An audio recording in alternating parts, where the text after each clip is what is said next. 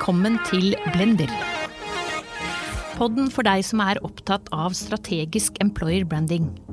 Her får du en god miks av tips, ideer og inspirerende intervjuer med personer som jobber med employer branding, HR, kommunikasjon, design og marketing.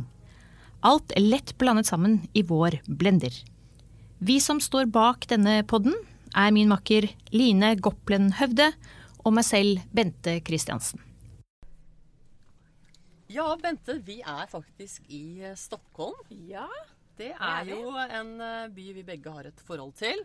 Vi har jobbet her begge to, og jeg har faktisk bodd her i ti år. Så jeg syns det er utrolig stas alltid å være tilbake, og hyggelig. Men det er jo en, en eh, annen grunn til at vi er i Stockholm, og at eh, det er at det er veldig mange dyktige folk innenfor employer branding-feltet her. Og vi er så heldige at vi kjenner noen av dem. I dag er vi forresten på eh, et ganske kult co-working space som heter The Park på Søder. Ja. Og vi er eh, trengt oss inn, vil jeg si, i en podcast-booth med to eh, hyggelige damer. Og det er Sonja, prest. Ja, hej. Og det er Linda Hugo. Hei, hei. Og Linda, du har jo lang erfaring med employer branding. Eh, jobbet for Universum i mange år. Og også jobbet med Employer Branding Academy, hvor du har vært en pådriver i over 14 år. Og du brenner for dette her med læring. Hva er det du, som gjør at du brenner for dette, Linda? Jag tror att det är framförallt eh, för att det tar folk och personer till helt nya nivåer. Eh, och man blir helt enkelt en bättre version av en, av en själv genom att eh, tillförskaffa sig kompetens som resonerar med ens person och ens värderingar och eh, dit man vill i framtiden. Så att jag tycker eh, lärling det, det transformerar individer på ett väldigt intressant sätt. Mm-hmm. Sonja, eh, du er eh, en av gründerne, tror jeg, bak eh, Atom. Ja, det stämmer.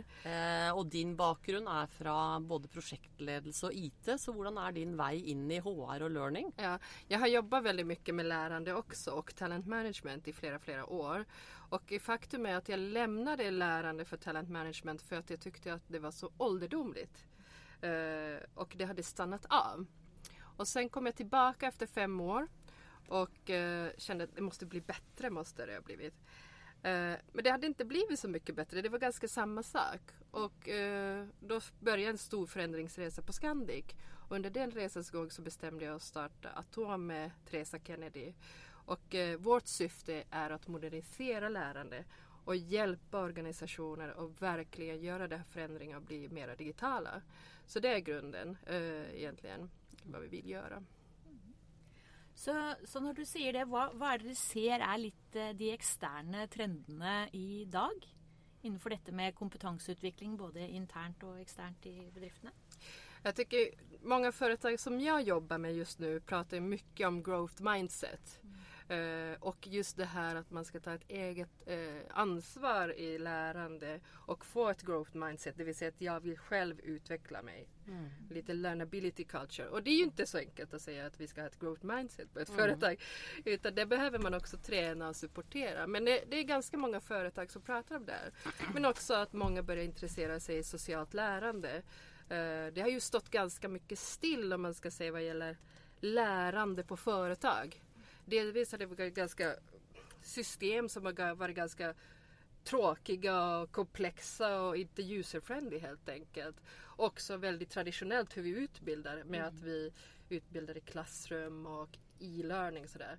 Men idag finns det massor med olika möjligheter och det är det som är intressant. Hva ser du, Linda? Påvirker dette spacet med learning i organisasjoner? Jag tänker på det du sa med eh, growth mindset. Jag tror en, en intressant trend jag ser det är det coachande ledarskapet. absolut. Och att hjälpa personer att hitta kopplingen till sitt why och sina värderingar och företagets vision och värderingar. Så att jag tror otroligt mycket på eh, fram, en framtid eh, med coachande ledarskap där visionära ledare hjälper anställda att, att eh, hitta den där kopplingen mellan individ och eh, vision eh, för att hitta äkta engagemang. Och jag tror inte att det är bara ledare utan jag tror också att det finns ju på alla företag finns det ambassadörer. Mm. att just lyfta fram dem och deras expertis för att ofta har vi väldigt kunniga människor som jobbar på ett företag. Men man är inte så duktig på att utnyttja deras kompetens. Mm. Och där tror jag att man kommer att bli mer och mer med att det blir bättre digitala kanaler och du kan nå ut till fler. Så kommer de och också synas mer. Förutom då ledare som eh, just coachande. Eh, mm. tror jag. Och där sa du något viktigt.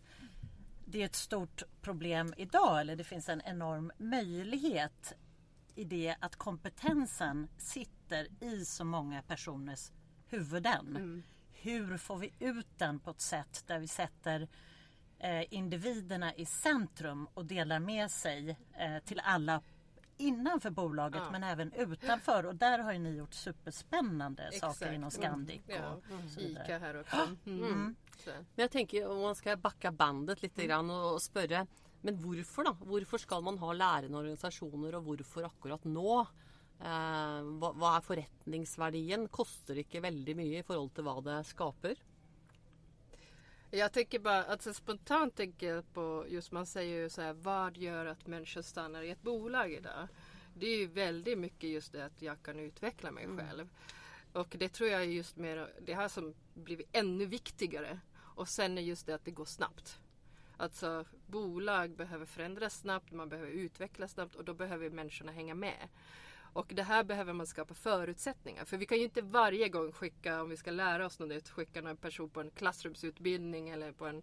Utan vi måste tillvarata också de kompetenser vi har på ett, ett företag helt enkelt. Och får jag flika in där en mm. fråga man ska, man ska ställa sig tycker jag är vad är kostnaden eller priset för ja. mig om jag inte fokuserar på min egna utveckling. Mm. Samtidigt som det är såklart en, en fråga som företag också ska ja. ställa sig. Mm. Det kostar att investera i en lärande kultur och så vidare.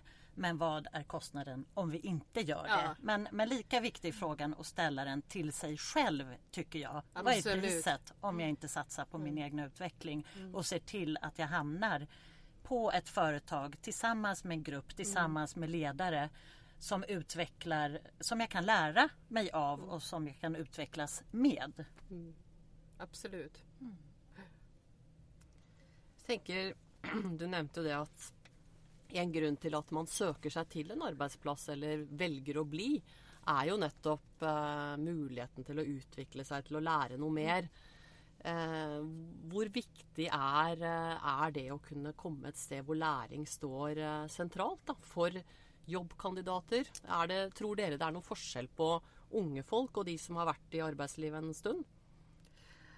Alltså självklart finns det skillnader, det tror jag alltjämt. Och det finns ju skillnader, det är inte bara ålder utan det är också som en attityd man har. Mm. Eh, vissa vill ju gå bara till jobbet för att jobba, man vill mm. inte lära sig. Jag tyckte det var väldigt intressant när jag hade ett projekt här och jag skulle träffa den som var mest negativ till moderna eh, plattformar. Så här, gå och träffa den här personen som är mest negativ. Han hatar allt som... Eh, så här, och då började jag prata med honom. Han sa men jag ska gå i pension snart. Jag vill inte lära mig något nytt. Så jag började så här, jag, varför ska jag göra det? Jag har jobbat här i 30 år. Varför ska jag mm. lära? Det var hans...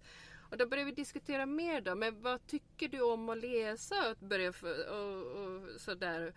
Och så kom vi fram till ja, men jag skulle gärna vilja läsa vad, vad som händer i bolaget och men också så, äh, lära som, ja, om vi har något nytt på gång.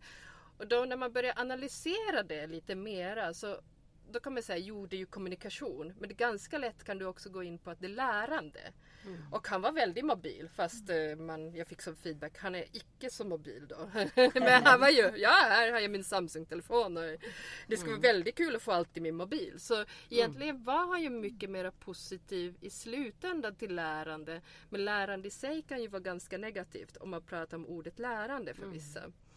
Så det här är ju, tror jag, det är inte ålder alltid. Det är mycket person. Att vilja och vilja inte. Men sen finns det ju förstås ålder vad man gäller digitala lösningar. Hur Är man mera ung så är man ju mera van att jobba med mobilen och ta film på sig själv. Än att du är av äldre generationen så kanske du har gjort det så mycket och då är det en större steg. Jag kom akkurat på, jag läste en, en intressant studie i Harvard Business Review som en, en studie som BCG hade gjort uh, worldwide. Mm. Hvor de snakket mye om læring og uh, organisasjonsendring. Det som digitaliseringen medfører seg. Mm. og da var det en stor forskjell på hva ledere mente at deres ansatte var endring, endringsvillige og villige ja. til å lære nytt. Og hva de ansatte faktisk ja. var.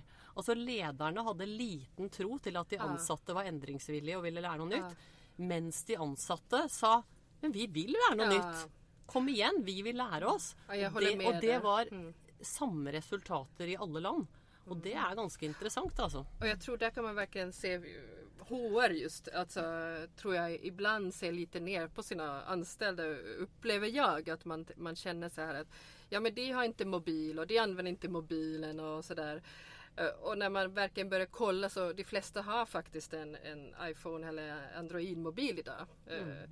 Och är intresserade av att, att, ha kunskap i mobilen direkt. Eh, mm. väldigt lättillgängligt helt enkelt. Mm. Det är det som är viktigt. Mm. Mm. Jag tänker att precis som i rekrytering pratar vi om personas. Mm. Så tycker jag att det är intressant inom, lär, eh, inom lärande så är vi ju personas också. Mm. Vi vill lära oss på olika sätt. Mm. Någon vill lära sig, går igång på social learning, man är gul, man vill dela, man vill sitta face to face, classroom training. Någon annan har en helt annat eh, sätt att lära. Så att det tycker jag är otroligt viktigt att, att förstå. Att vi är olika individer som vill lära oss på olika mm. sätt. Och sen eh, nämner jag ytterligare en gång till hur viktigt det är att, att, eh, att förstå sina egna värderingar och företagets vision och min plats mm. i pusslet. För att jag tror att alla vill lära sig. Man ska bara förstå sammanhanget mm. och vägen och målet mm. och, och, vad det ger för en själv eh, och bolaget. Mm. Absolut, det håller jag helt med. Men sen tror jag just det här med lärande att, att man ibland, som du säger, att vi lär oss på olika sätt och det är en jätteviktig poäng där. Men oftast när man tittar då in på olika organisationer så lär de på ganska traditionella samma sätt. Mm. Eh, de har inte som förändrats så mycket vad gäller hur man lär ut och använder de nya möjligheterna som faktiskt om man tänker vad som har hänt i tekniken bara på över tio år med att vi har fått iPhone. Så har vi totalt förändrat vårt beteende hur vi konsumerar innehåll. Mm. Uh, det är bara att, jag menar idag, alltså vi lär ju oss dagligen gå in på LinkedIn, Instagram, Facebook och man kan säga, är det lärande? Men mycket av det är också lärande. Mm. Och det här beteenden, det är ju något vi också vill ha i vårt arbetsliv tror jag mycket. Mm. Att vi kan söka enkelt, vi kan mm. dela med av vår expertis, vi kan uh, ja, alltså att det finns innehåll som är intressant för mig helt enkelt i min eh, funktion. Eh, uh, jeg, Jag tänker lite att um, vad tänker du då, för den vanliga klassrumsundervisningen vill då vara ganska död, ser vi för oss det? Och vilka andra typer media eller vilka andra kanaler ska vi bruka och lära på? Hur ser du för dig en perfekt lärande jag tror alltså klassrumsutbildning, visst kommer det, det finns ju en rädsla ibland när man börjar göra olika förändringar, modernisera organisationer. Eh, ett kommentar, ska vi aldrig träffas igen? Mm. Uh, och det kommer man ju göra självklart men mm. kanske man inte träffas lika mycket. Och kanske det är fler som får träffas men på annorlunda sätt. Mm. Uh, med att man har alla tekniska möjligheter som virtuella klassrum och webbinar som man kan ha. Så kan vi ju träffas mycket mer än förut mm. egentligen. Mm. Men att man ibland är väldigt som, det är ju att tänka till varför träffas vi i klassrum då? När vi verkligen träffas. Då kanske det är mer att träna snarare än att, att uh, undervisas. Mer alltså, du kan ju få så mycket information innan idag på digitalt. Så att när vi träffas så kanske det är mer att träna och mer praktiskt. Utöva, vara en god, träna på att vara en god ledare, träna på att göra uh, det som man har läst om helt enkelt. Och en viktig del där i klassrumsträning mm. det tänker jag också är att dela med sig av sina erfarenheter. Att det blir eh, ett annat sätt att mötas på där man river Ja. ner väggarna lite mellan personer, mellan avdelningar, mellan eh, ja, men till och med mellan bolag och man möts och man workshoppar på ett nytt sätt och där Exakt. man jobbar agilt med exempel på här har vi ett problem, hur löser vi det? Jag tror att det kommer bli helt an- det kommer inte bli föreläsningsform på samma sätt utan där tror jag att det blir helt nya krav på att jobba praktiskt med problem och lösningar i stunden. Exakt. Eh, och sen tänker man ju om man tänker klassrumsutbildning, om man tänker från andra perspektiv vad gäller resande och hållbarhet som många företag eh, verkligen diskuterar idag så är ju, behöver man ju faktiskt tänka ibland hur mycket ska vi faktiskt resa och träffas? Eh, när det ändå finns andra digitala möjligheter. Men sen tror jag om man ska vara ärlig, att träffas kan vara väldigt bra också för just att göra det enkelt i de här digitala kanalerna. Så har man träffats en gång för- så här live så är det ju mycket enklare att träffas eh, på Skype sen senare. Eller ett annat virtuellt eh, klassrum helt enkelt. För att den där connection som uppstår när man ses i det fysiska mötet den eh, tror jag kan skapa engagemang eh, över tid. Exakt. eh. Eh, som, som inte riktigt går att, att, värdera i, i, i pengar faktiskt Nej. om man gör det på rätt sätt. Men sen tror jag att det man kan för att hålla sen i liv om man tänker att ja, men hur ska vi hålla i liv det här som när vi träffas och vi kommer med bra idéer. Det är då man behöver säkerställa att man har sina digitala communities där man kan fortsätta dela så att vi inte bara som träffas och så dör det. Utan vi vill ju utan verkligen använda den här kraften och nyttan. Och då behöver man tänka, har vi de här digitala communities där vi kan fortsätta träffas? och dela med kunskap. För om man tänker hur vi idag som sagt beter oss i andra sociala kanaler som LinkedIn. Och Då delar vi av kunskap och du kommenterar och vi får ganska vi utvecklas ju ganska mycket. Med. Så har vi de kanalerna också internt på företag där vi kan fortsätta utvecklas tillsammans. Du, en ting jeg tenkte på nå, og det er eh, Her er det jo Nye digitale løsninger åpner jo for mye skreddersøm. Altså jeg kan få den læringen jeg vil når jeg vil det.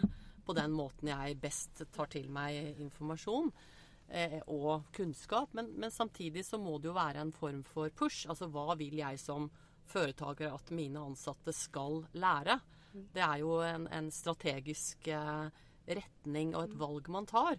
Altså, Fins det en optimal eh, blanding av hva som er liksom, push, det her, må, det her må ut, og hva, hva folk faktisk vil lære, eller er det det samme? Eh, jag tror att, uh, att så ibland när man tänker push då tänker du väldigt klassisk compliance-utbildningar. Och visst, det kommer fortfarande kvinnan finnas kvar. Men det är en ganska liten del för de flesta företag. Och det finns en mycket större del av annat lärande. Så jag tror att klassiskt är det ju att du är ganska långt från, du tänker du jobbar på ett eh, HR group nivå. Så du är ganska långt från slutanvändaren. Så hur kan man, det som tror jag är intressant, att hur kan vi komma närmare? Så kan vi ha kanaler som ägs av min chef till exempel. Som säger det här ska du lära dig i din roll. Det är också en form av push. Eller hur? Men då är det mera förankrat kanske till mina affärsnyttan. Ja. Eh, hur man jobbar. Mera strategiskt från det perspektivet. Än att vi bara pushar ut en compliance-utbildning. Utan snarare tänker, vad ska min avdelning uppnå för affärsmål och vad ska vi ha för läromål som vi hjälper eh, teaman, deras, eh, team eh, members, slutanvändare med. Ja, det.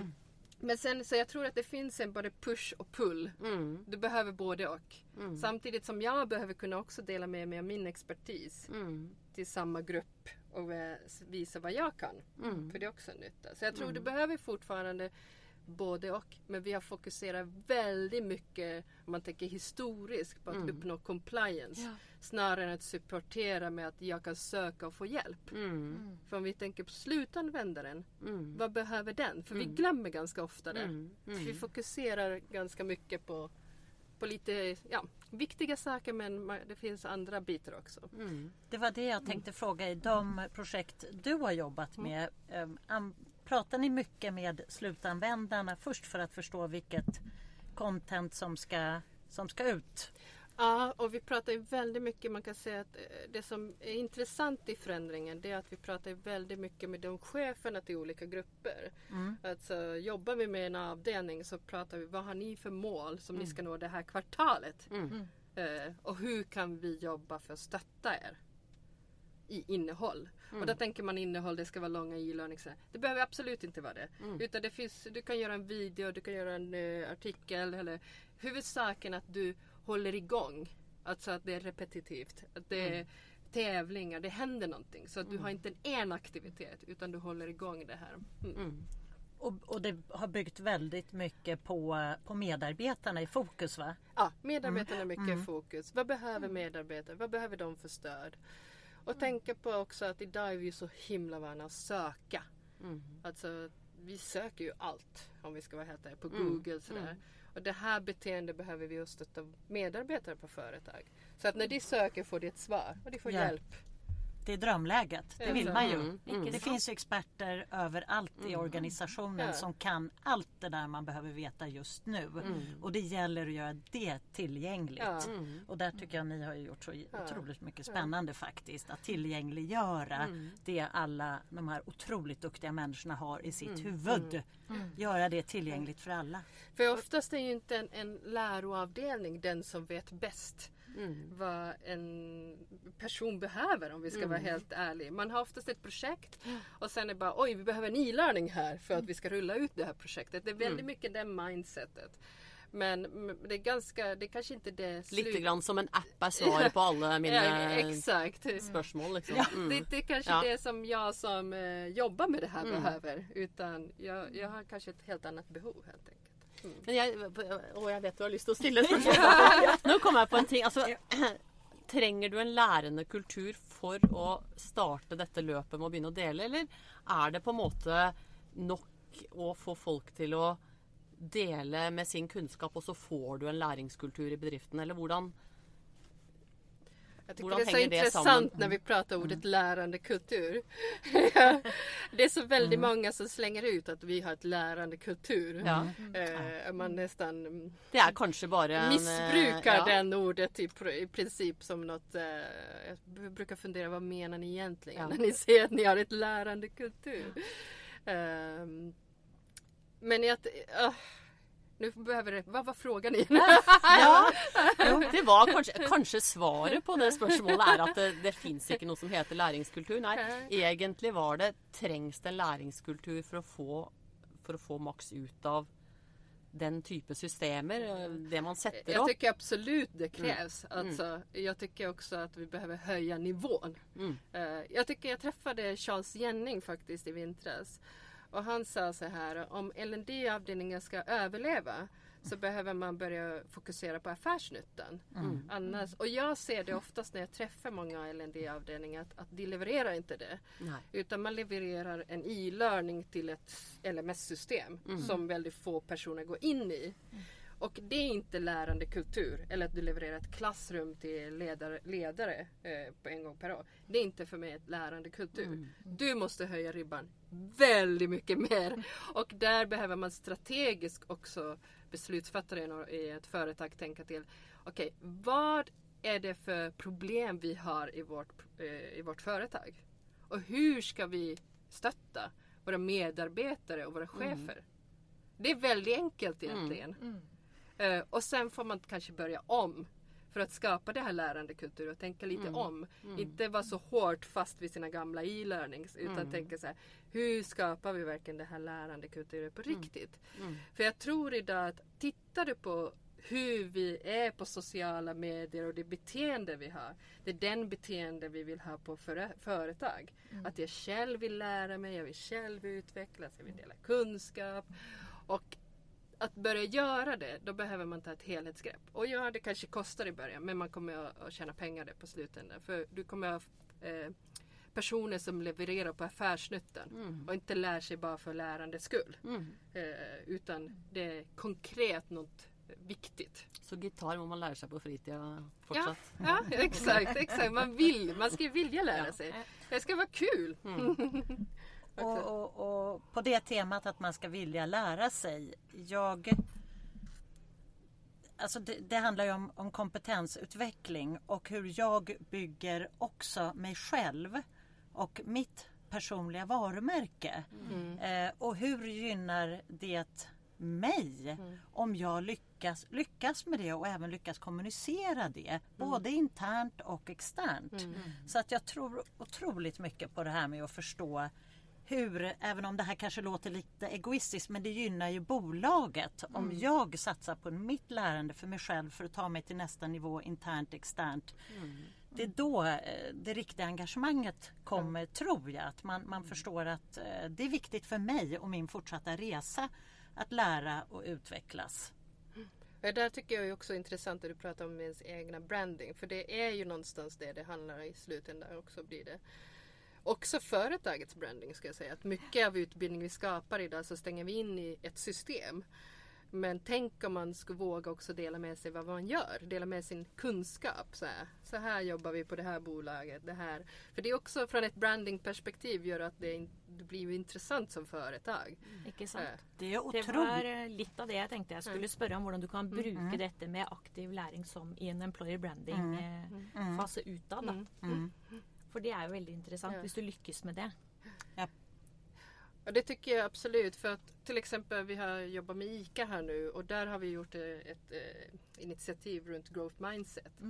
Och hur man ska träna på growth mindset. Du kan ju inte läsa till det growth mindset, det går ju inte. Men hur kan man då inspireras och pröva börja som träna själv? Och då har vi faktiskt skapat ett hashtag som heter Grow at ICA. Så då har du övningar som du gör och sen kan du dela dela dina erfarenheter i det här hashtaggen. Och det tycker jag är väldigt intressant faktiskt. För då på något sätt eh, delar du med dig av också kunskap utåt. Så här. Jag har träffat de här personerna på lunch, de lärde mig det här, det här. Och det, vill man ju, det blir som att lyfta sin egen kompetensutveckling externt också. Det Hvordan tycker- går det? Altså, Vil folk dele det är just nu igång, det är nyligen startat. Ja. Så vi följer med spänning. Men eh, jag, jag tror det där, man behöver ju ge det lite tid. Och man behöver prata om det och man behöver som sätta igång. Men jag tror det där kommer att bli bra. Eh, Og kan også få en positiv effekt på employer-brandet. Exakt. Vil Det, jeg- är- I slutändan så, så blir det det. Ja, absolut. Och jag följer en, en, en del bolag som är otroligt duktiga på det där. De säger ingenting, de pratar inte om vår lärandekultur och vi får, de, inte i ord. Men så fort man träffar någon av deras konsulter eh, man besöker webbsidan, man ser Instagramflödet, Facebookflödet. Det handlar bara, man känner bara wow, Ja. vilken kultur. Ja. Vilken utveckling, vilket Ja, nätverkande. Man bygger, bygger sig själv något enormt och bolaget förstås.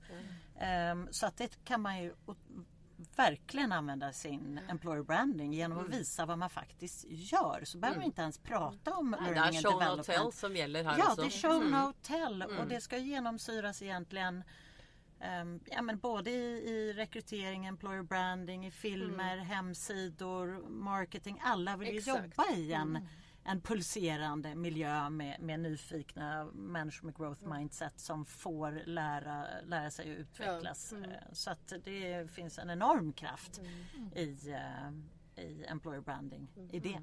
Och sen kommer ju många kanske tänka, ja men vi har ju inte sådana människor som är så här. Det är ju så här, Nej. som är så här ute. Det är många som säger, men vi på vårt företag så är inte man så.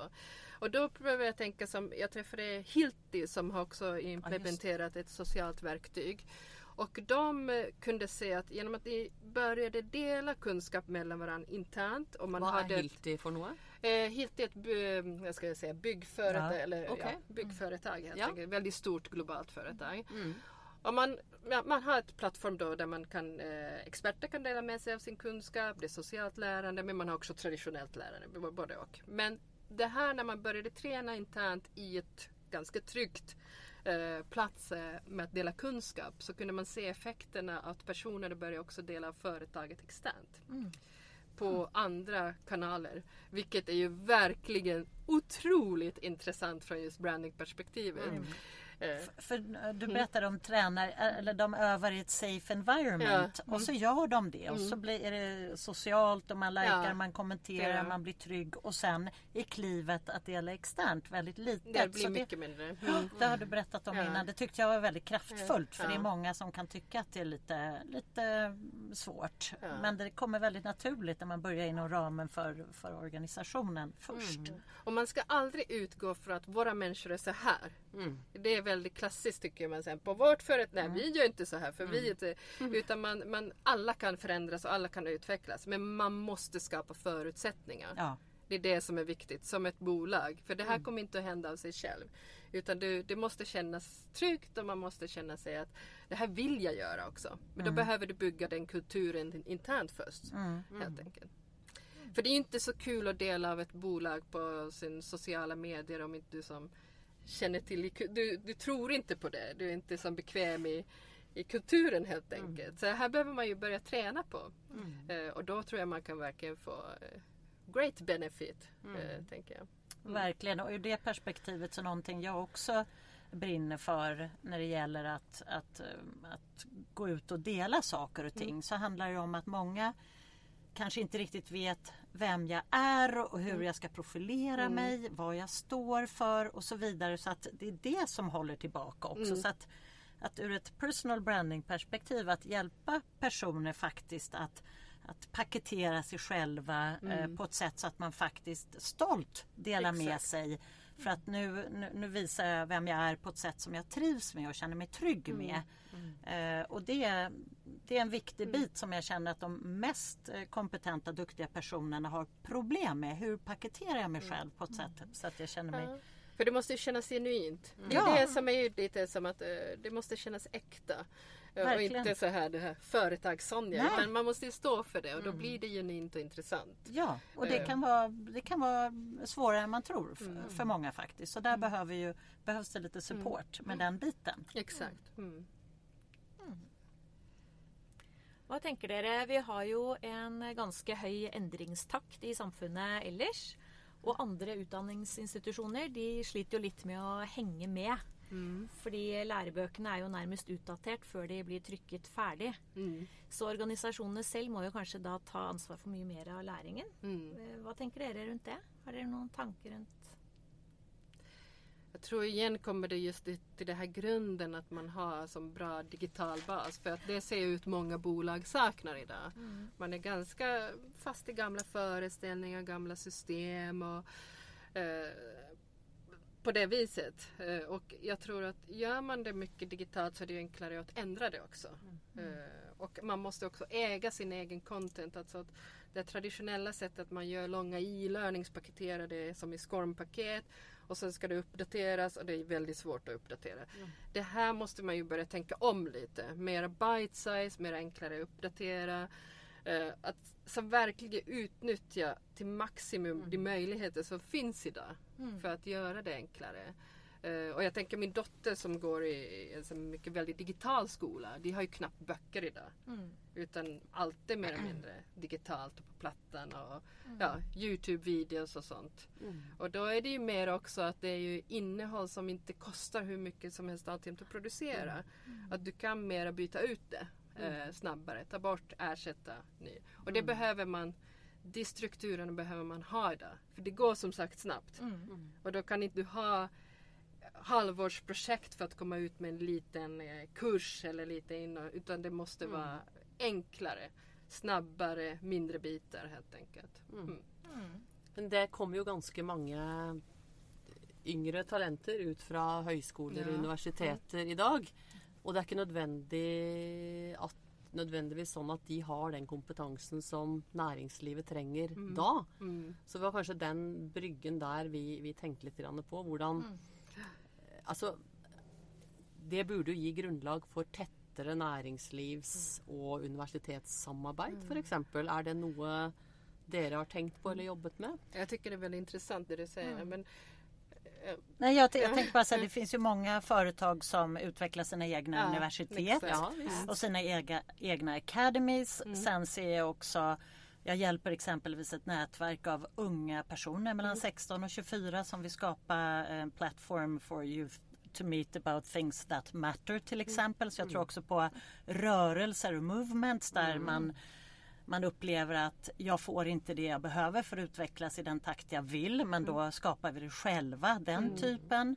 Eh, sen sen eh, ligger det verkligen en poäng i att näringsliv eller utbildningsinstitutionerna tycker att våra studenter är eh, redo för arbetsmarknaden. Och ställer du frågan till arbetsmarknaden så finns det ett jättegap i eh, synen. Och där eh, tror jag att näringsliv och eh, universitet kommer behöva samarbeta mycket, mycket närmare. Och sen att också digitala läringsmetoder kommer ju det kommer hända väldigt, väldigt mycket där tror jag för att uppdatera både skolor och universitet så att de tilltalar den unga generationen eh, och utmanar och, och att det är kul att lära.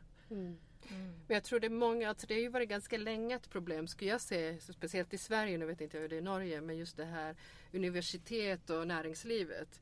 Eh, att det är väldigt, nu är inte alla eh, utbildningsinriktningar så, men det har varit ganska som stor glapp i samarbetet. Eh, jag tror att man behöver öka att man har praktik som en del av universitetsutbildning. För det säger jag att eh, jag har jobbat med eh, elever från Medinstitutet som är ett yrkesinriktat. Och det går på praktik. Och det ger ju en otrolig utveckling och man får kontakter. I Sverige har vi problemet att du gör din universitetsutbildning och så är du färdigutbildad. Ja. Och så har du inga kontakter, eh, du har ingen praktik gjort. Så du är jättelångt ifrån dem från anställningen egentligen. Och det här tror jag är ett problem. Sen tror jag vi måste också tänka vad kan vi, vi lära oss av den yngre generationen? Eh, att, man, att man tycker att vi som ett företag att vi är så duktiga och vi är så här och det här gör vi. Men ta och lyssna på deras behov och tankar och idéer. Och jag tror man kan utveckla som företag ganska mycket. Eh, både vad gäller produkter, hur man möter målgruppen och lite annat. För det är ju på en helt annan, tycker jag, sfär ibland. Om man inte nu så, men alltså, det, det är lite annorlunda kan jag tycka mig. Vi är ju uppvuxna med digitala lösningar och vara på, på sociala medier hela tiden. Och kunna söka och hitta vad det behöver. Mm. Och det är ju kännetecknande för en lärande organisation att vara öppen och nyfiken och förstå att man kan lära högt och lågt Ja. och från alla. Och jag tror man har enormt mycket att lära från den yngre generationen. Men det kräver en viss ödmjukhet och öppenhet Ja. och det tycker jag är, är signifikant för lärande organisationer. Att man har den nyfikenheten och öppenheten eh, inför att man kan lära av alla. Jag brukar träffa, vi, vi tar in eh, och vi träffar ganska mycket folk och speciellt unga som ska ut på arbetsmarknaden. För jag letar ju, jag vill ju som att Atom inte ska bara vara vi in, eh, som har jobbat länge utan jag Ja, vill ta in de, de som är lite yngre som kommer in med sina och Mm. jag, jag tycker det är väldigt intressant när jag träffar de personerna. Eh, och eh, och faktum är att det är ganska många väldigt kompetenta också. Att vi har ju, vi, vi tycker ibland och tror att ja, men det kan ingenting eller så. Men de har ju en otrolig kunskap i om man tittar i vissa programvaror. Vad det, alltså de gör egen musik, gör egen grafik, de skriver. Alltså det är otroligt multikompetenta, eh, många av dem. Så hur använder man det?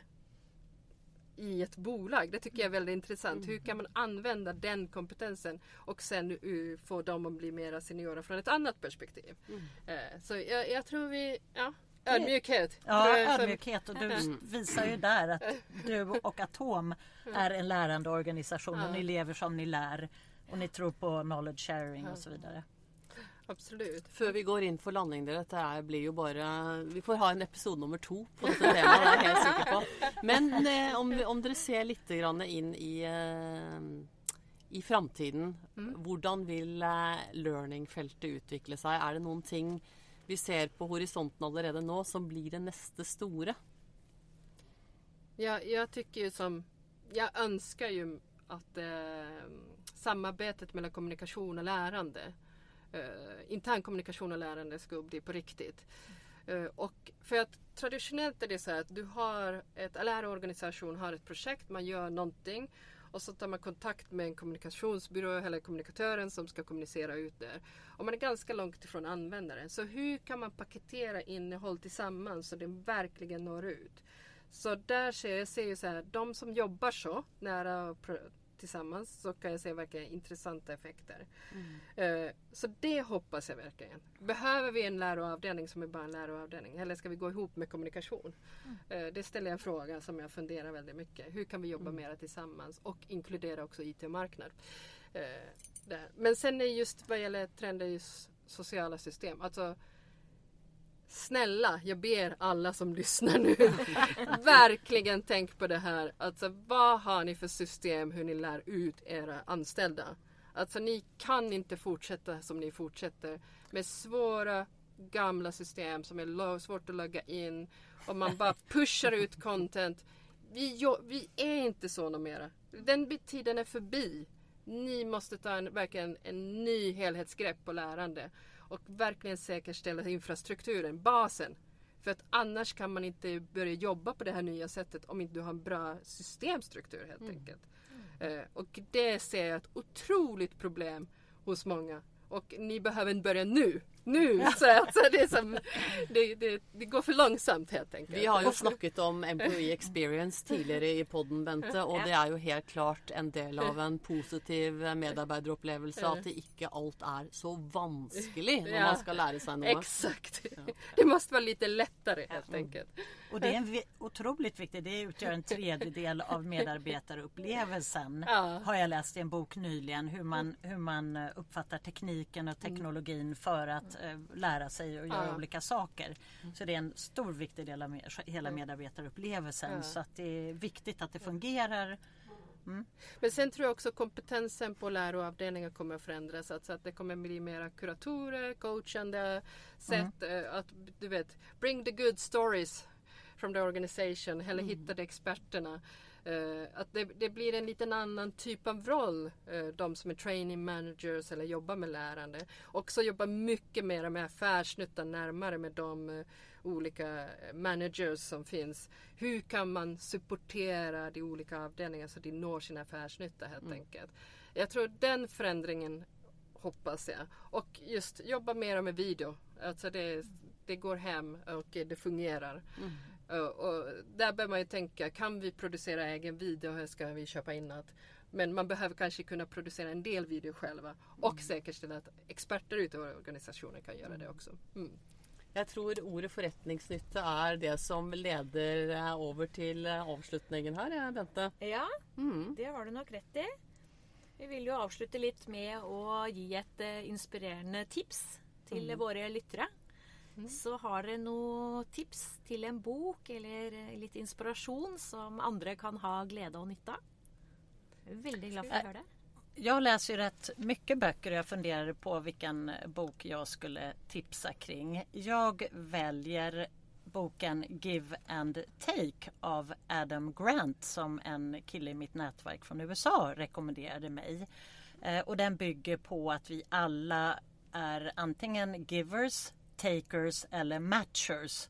Och vad det ger oss om vi är givers. För då får vi enorma nätverk av dormant ties som han kallar det. Och de här dormant ties kan man rycka och dra i och få hjälp när som helst, var som helst. Superintressant bok. En av mine yndlingsbøker, faktisk. Jaha, vad kul! Jag tänkte också väldigt mycket på det här. Vad är det man ska rekommendera? Men då började jag fundera. Vad tyckte jag var som som jag tyckte var väldigt intressant som ändå som var något annat som ändå påverkar hur jag ser på lärande och hur man ska utveckla lärande. Och det var böcker skrivna av Frida Boysen. Eh, och hon är väldigt vad kan säga, känd i Sverige och jobbar med mycket med sociala medier och så. Och jag tycker att det hon pratar om mycket, hur man ska jobba i sociala medier, det kan man faktiskt också applicera mycket på lärande. Den tänket. Vad är det som gör att du når ut? Vad är det som du gör att du blir intresserad? Eh, och hon lyfter fram framförallt det. Hon har två böcker just vad gäller digitalisering och sociala medier. Och två, de bägge böckerna lyfter hon fram intressanta exempel faktiskt. Som jag tycker just om förändringar som har skett. Så det, det är verkligen läs de två böckerna av Frida Boysen. Kul! Kjempekult. Perfekt. Yes. Da er det egentlig bare å takke så mye for at dere to eh, Sonja og Linda ville komme til oss i Stockholm. Nemlig. Det er jo fantastisk. Tack själv. snälla. Tack för, att Ses ni, igjen. tack för att ni ville komma hit. Tack. Ha det bra. Ha det bra. Hej då. Hej hej. Hej, hej.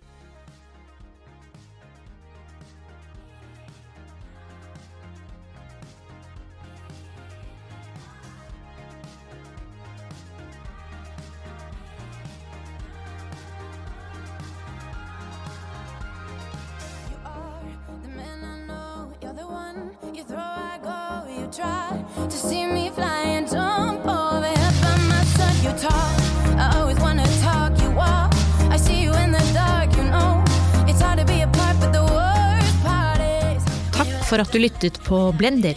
Podden for deg som jobber eller ønsker å jobbe med strategisk employer branding. Enda mer inspirasjon, flere boktips og litt om hvordan du kan jobbe med å tiltrekke, engasjere og utvikle medarbeiderne dine, kan du finne på vår side blenderpodkast.no.